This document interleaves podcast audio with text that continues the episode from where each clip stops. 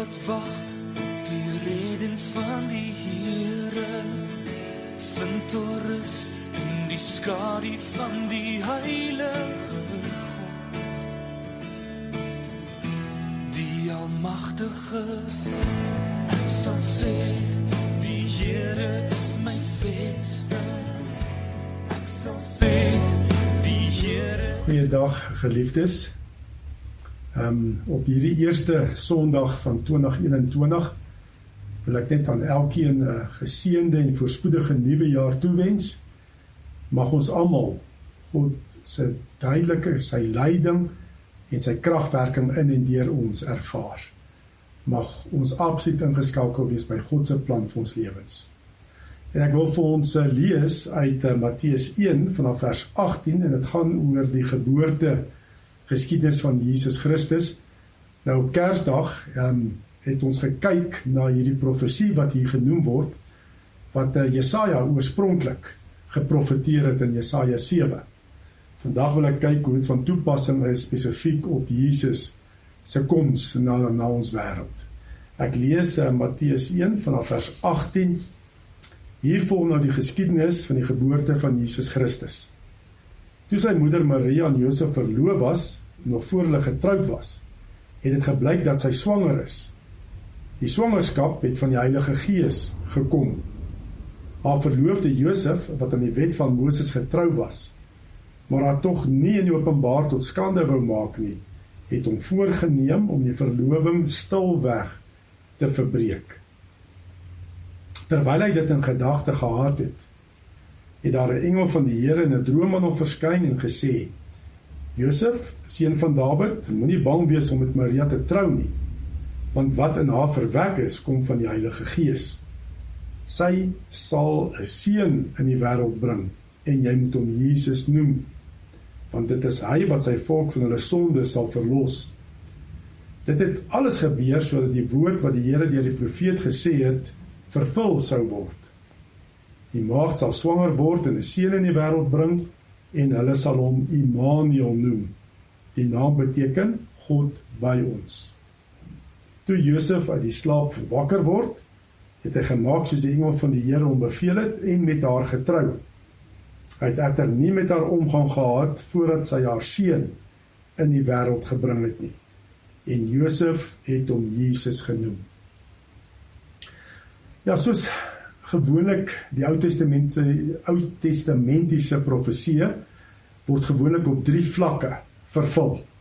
Net dit is soos met 'n landskap. Jy kry 'n voorgrond, 'n middelgrond en dan ook 'n agtergrond. Op die voorgrond, net die eerste vlak van vervulling, die voorgrond is natuurlik soos in die tyd van eh, van Jesaja, toe hy geprofeteer het. Um aan Agas in die konteks wat hy beleef het waar Israel en en as in Sirië hom aangeval het. En dan kry jy die tweede vlak, die middelgrond van vervulling en dit is met Jesus se koms. Dit sy eerste koms na die wêreld. En dan gewoonlik die derde vlak van vervulling is bietjie later, ehm um, met die uitstorting van die Heilige Gees of ehm um, dalk ook met Jesus se wederkoms. Kan ook die derde, die volmaakte vervulling wees van 'n profesie in die Ou Testament. Nou ehm um, Jesaja het natuurlik vir ons op Kersdag gehoor het, het hy geprofeteer aan koning Agas, die Immanuel, hè God by ons. Dat 'n uh, jong vrou in in Agas, dit is die koning van Juda se huishouding, se hofhouding, um, swanger gaan wees en dan ook 'n seentjie sal sal baar. En dan sal sy hom Immanuel.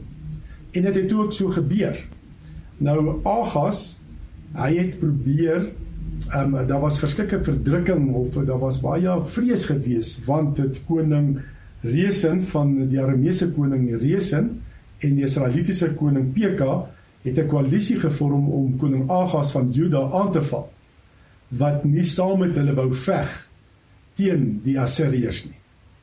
En uh, daar was baie spanning en toe toe soos op Kersdag gehoor het Ehm um, kom by Jesaja sê moenie moenie moenie daaroor bekommerd wees nie. Hulle aanvalle gaan op niks uitloop nie. En dan gebeur dit ook. Toe hierdie jong vrou in ehm um, in Agas se hofhouding ehm um, geboorte skenk aan 'n seun, toe het hierdie aanvalle van van die koning van Assirië, van die Arameese koning en van Israel het op niks uitgeloop nie en sy noem dan haar baba, haar baba seentjie noem sy Immanuel. God was altyd toe by ons. God het ons nie in die steek gelaat nie. Ten spyte van koning Agas se ongehoorsaamheid en verbondsverbreeking waar hy met Assirië koalisie wou gevorm het, het God hulle gered, bonatuurlik gered. En dit is dan ook hoe hierdie profesie, Immanuel profesie, die eerste vlak vervul is. En so kom Matteus ook dan hierdie Immanuel profesie op Jesus van toepassing maak op die tweede vlak van vervulling. Want Jesus is die die ware Immanuel, God by ons. Ten spyte van as jy gaan lees die begin van Matteus 1, lees jy die geslagsregister van Jesus, dan kom jy agter hoeveel ongehoorsame mense, verbondsverbrekers daar was in Jesus se geslagsregister. Maar ten spyte daarvan is God getrou en stuur hy Jesus as Immanuel. Ten spyte van Israel en Juda se ontrou en verbondsverbreking. En eintlik ter wille daarvan stuur God sy seun Jesus Immanuel om verzoening te doen vir ons sondes aan die kruis sodat God by ons kan wees. En dan weet ons ook die derde vlak van vervulling uh, is dan ook natuurlik uh, met Pinkster, nê, uitstorting van die Heilige Gees. Want toe is God deur die Heilige Gees um altyd by ons. God by ons, nê? Die Heilige Gees het in ons kom woon in sy kerk, die gelowiges. En is God vir altyd by ons. En is ons liggame 'n tempel van die Heilige Gees. En ek dink ook die volmaakte vervulling sal wees met Jesus se wederkoms. Vandag gaan God volmaak by ons wees sonder die teenwoordigheid van die bose en die sonde en die invloed van die bose en die sonde. Maar nou wil ek kyk na hierdie tweede vlak van vervulling van die Immanuel profesie. Dat um, in Jesus die ware Immanuel God by ons. En ehm um, as ons kyk dan na hierdie gedeelte dan weet ons ook daar's baie teo selfs teoloë wetenskaplikes en teoloë wat die maagtelike geboorte van Jesus betwyfel in twyfel trek. Ehm um, en eintlik as jy die maagtelike geboorte, hulle sê ook ag dit word dit op twee plekke in die Bybel genoem wat nie eintlik 'n redenasie is nie, as God dit noem dan dan moet dit daar wees. Ehm um, maar as jy die maagtelike geboorte en hulle vat ook ander geskiedenisse soos Jona en die vis, hulle ek weet nie uh, hulle hulle betwyfel dit. Maar as jy die maagtelike geboorte en hierdie ander wondergeskiedenis in die Bybel twyfel trek, dan twyfel jy eintlik in God. Want as jy werklik glo in God, is dit kinderspeletjies. God is almagtig, hy het alles gemaak. Niks is onmoontlik nie. Dis eintlik 'n twyfel in God. En dan word die vraag ook nou gevra, maar is die maagtelike geboorte so belangrik? is die leer oor die maagtelike geboorte so belangrik. Dan toe sê ja, baie belangrik dat ons sal vashou aan die leer van die maagtelike maagtelike geboorte van Jesus. Want ehm um, daardeur leer ons God beter ken en ook sy plan en doel met ons mense. Dis deel van God se plan en doel en verlossing wat hy vir ons gebring het. En dan lees ons ook dat Matteus soos 'n goeie Jood begin sy uh, evangelie begin hy met 'n geslagsregister vanaf vers 1 tot 17. En ehm um, dit was maar die gebruik onder Joodse skrywers om so te begin met 'n geslagsregister en dit dui eintlik dat God weer hier 'n nuwe begin maak met die mensdom. Ons lees byvoorbeeld in Genesis die boek kan ons sê van beginne dat God 3 keer 'n begin maak. Hy begin natuurlik eerstens met Adam wat hy geskaap het. En dan Adam en Eva wat in sonde val en 'n nageslag wat so sleg raak, dan begin God weer nuut met die mensdom deur Noag. Nee, in Genesis ehm um, 6 vers 8. Maar voordat ons lees van Noag, is daar ook eers weer 'n geslagsregister wat op Noag uitloop. En dan uh, na Noag, nee, dan dan lees ons nou verder ook ehm um, dat uh, die toring van Babel en die mense raak maar weer eintlik sleg. in Noag se nageslag en dan begin God weer oor met die mensdom in Abraham in Genesis 12. Maar in Genesis um, 10 en 11 is daar weer 'n geslagsregister. So 'n geslagsregister in die Bybel wys eintlik dat God weer begin. Hy maak 'n nuwe begin met die mensdom. En daarom ook as Matteus sy evangelie begin, dan gee hy eers 'n geslagsregister van Jesus om te wys maar God begin nou weer van voor met die mensdom. Sy finale verlossingsplan in Jesus. En dan sien ons ook, as ons kyk na die geslagsregister van Jesus as jy weer lees, die mense was nie goeie mense nie. Dit was nie 'n goeie plan wat deur mense uitgedink het nie. Dit was nie hierdie verlossingsplan in Jesus was nie die vermoëns van mense nie. Dit was God se plan. Die verlossing in Jesus kom alleen van God alleen. Dit was nie 'n menslike plan nie. Die Messias kom van God en uh bewerk deur die Heilige Gees die maagtelike geboorte van Jesus.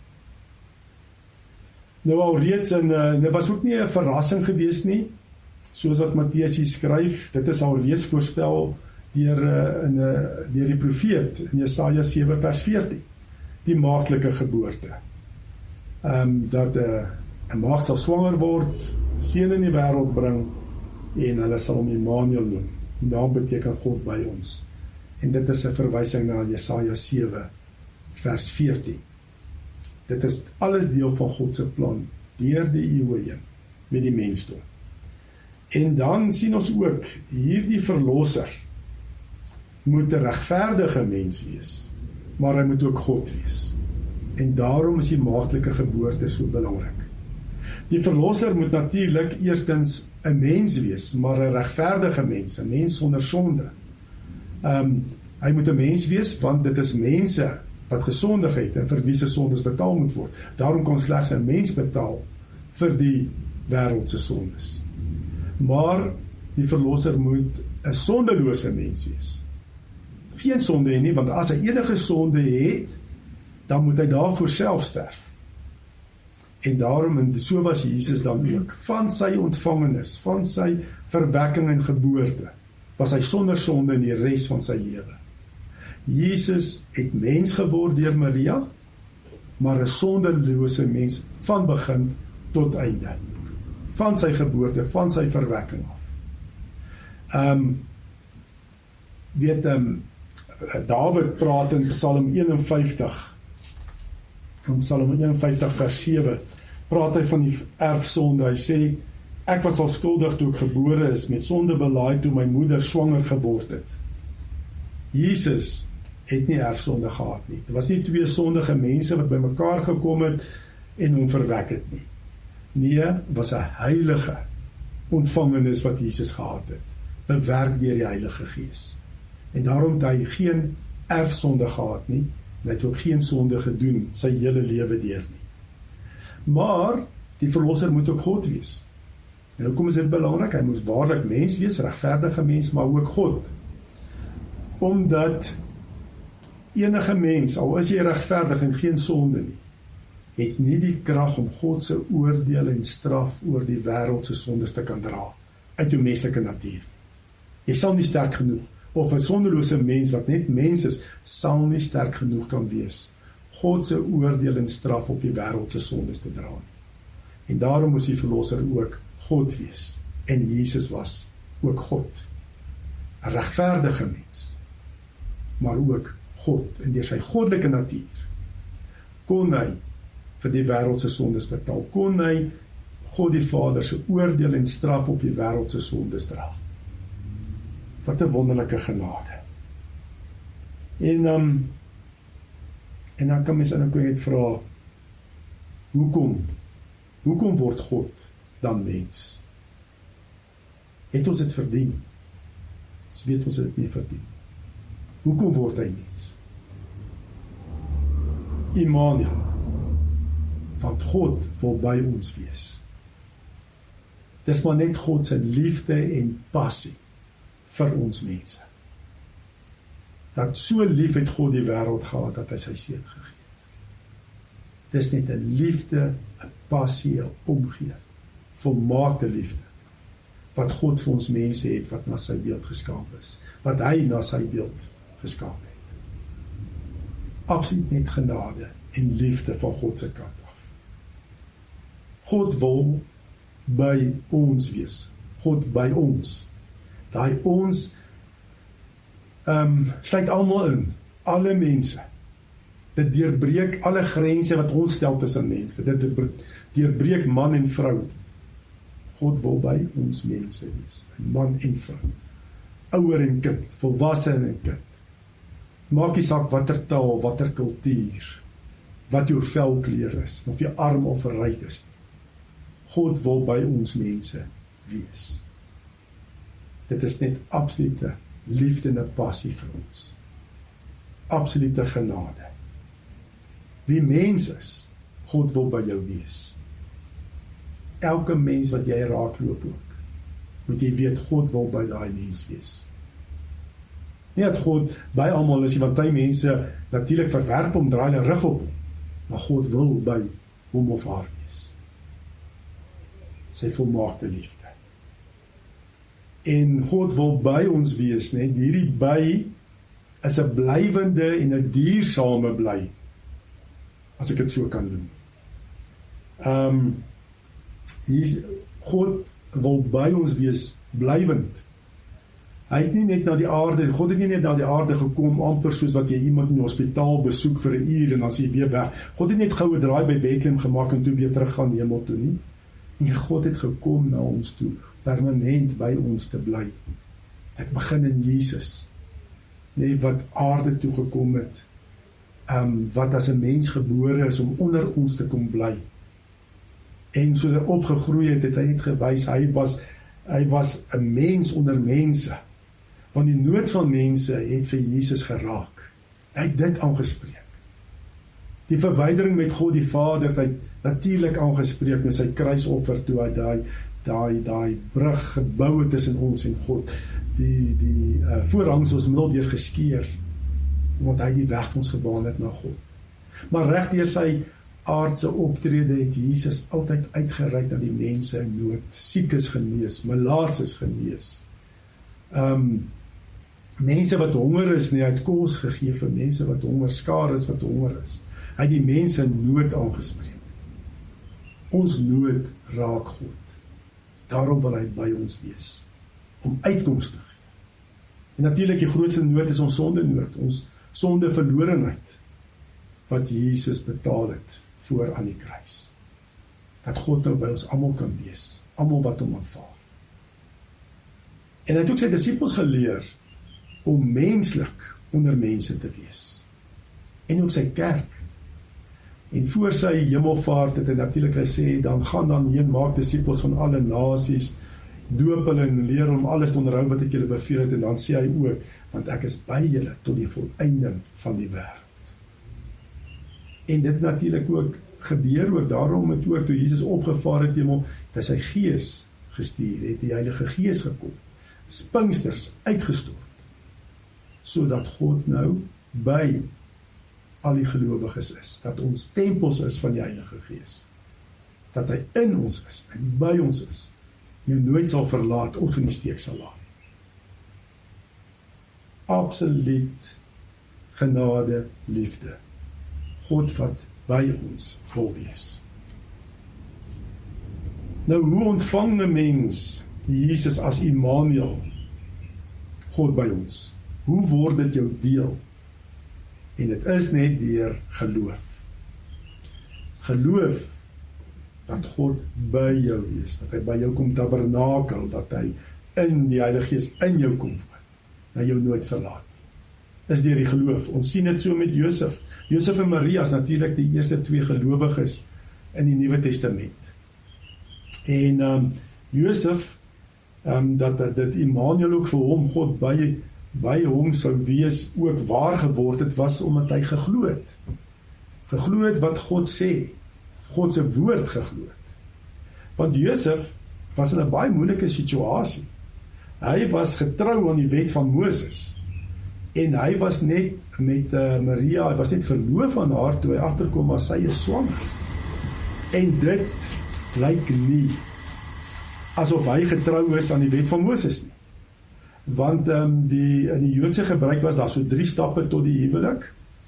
Die eerste stap is natuurlik as die twee families bymekaar kom en hulle besluit hoor hierso dis goed dat hierdie jong man en jong vrou verloof raak en dan word hulle dan is die eerste stap die twee families moet instem daartoe.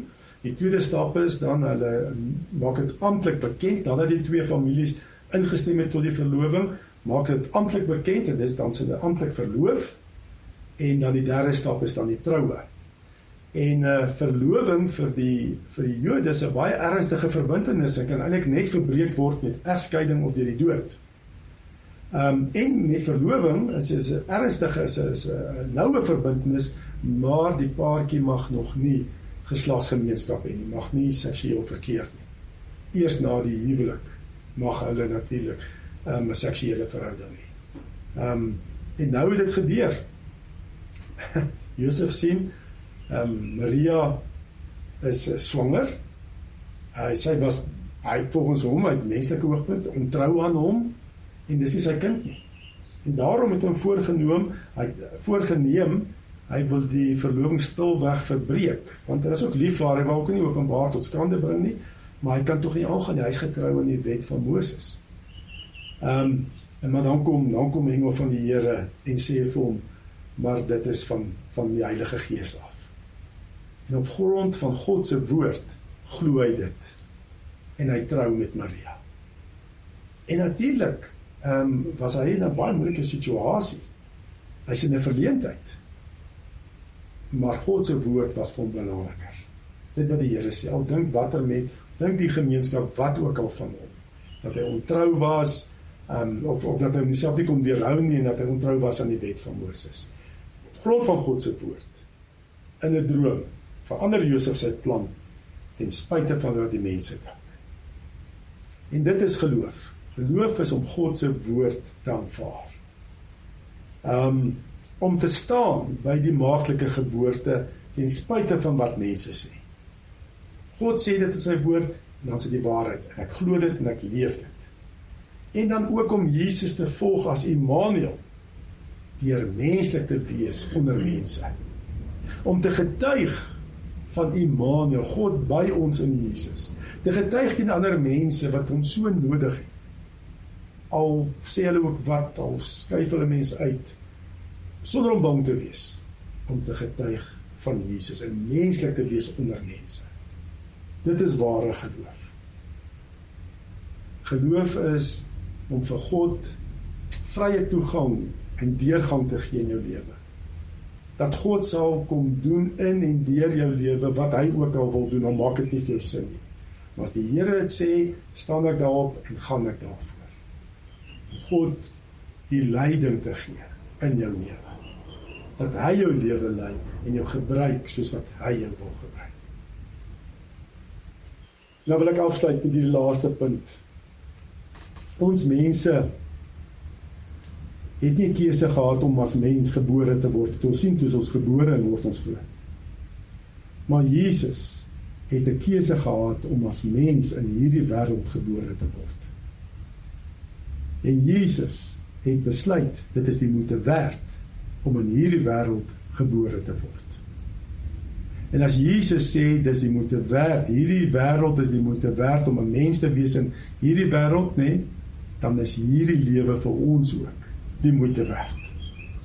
Die lewe is met Jesus Christus die moeite werd. Daar is sin vir jou en my se bestaan. Ehm um, baie mense voel nou in hierdie tyd en dit is 'n baie moeilike tyd wat ons beleef die COVID-19 die grendeltyd. In die nuwe jaar gaan ons in met 'n grendeltyd wat vir vlak wat verhoog is. Baie mense voel die lewe is nie moeite werd nie. Mense praat van ag ek wil nie kinders hê nie want dit is nie moeite werd nie. Ehm um, die lewe in Suid-Afrika is nie moeite werd nie. Maar as Jesus sê dit was vir hom nie moeite werd om gebore te word as mens dan kan ons weet hierdie lewe is die moeite werd. Daar's sin vir ons bestaan. Jy kan jouself aanvaar. En jy kan met vertroue 2021 ingaan. Want jou lewe is die moeite werd. God sê jou lewe is die moeite werd. En hy het jou spesifiek hier geplaas, hier aan die begin van 2021, want hy wil in en deur jou werk. Hierdie lewe is die moeite werd. Kom ons kom ons ehm um, skep hoop. En dis nie 'n menslike hoop, dis 'n goddelike hoop. Kom ons glo wat God sê in sy woord. Kom ons gaan met vertroue 2021 in. En ons um, ja, en ons volg Jesus, en ons volg God. En ons is menslik onder mense. En ons sê Here, nie my wil nie, maar U wil. Want saam met U is alles die moeite werd. In Jesus se naam. Amen.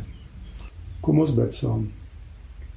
Here, dankie vir Immanuel. Dat U by ons is in Jesus. Dat U in ons woon deur die Gees. En dat ons weet ook 2021 gaan ons saam met U in.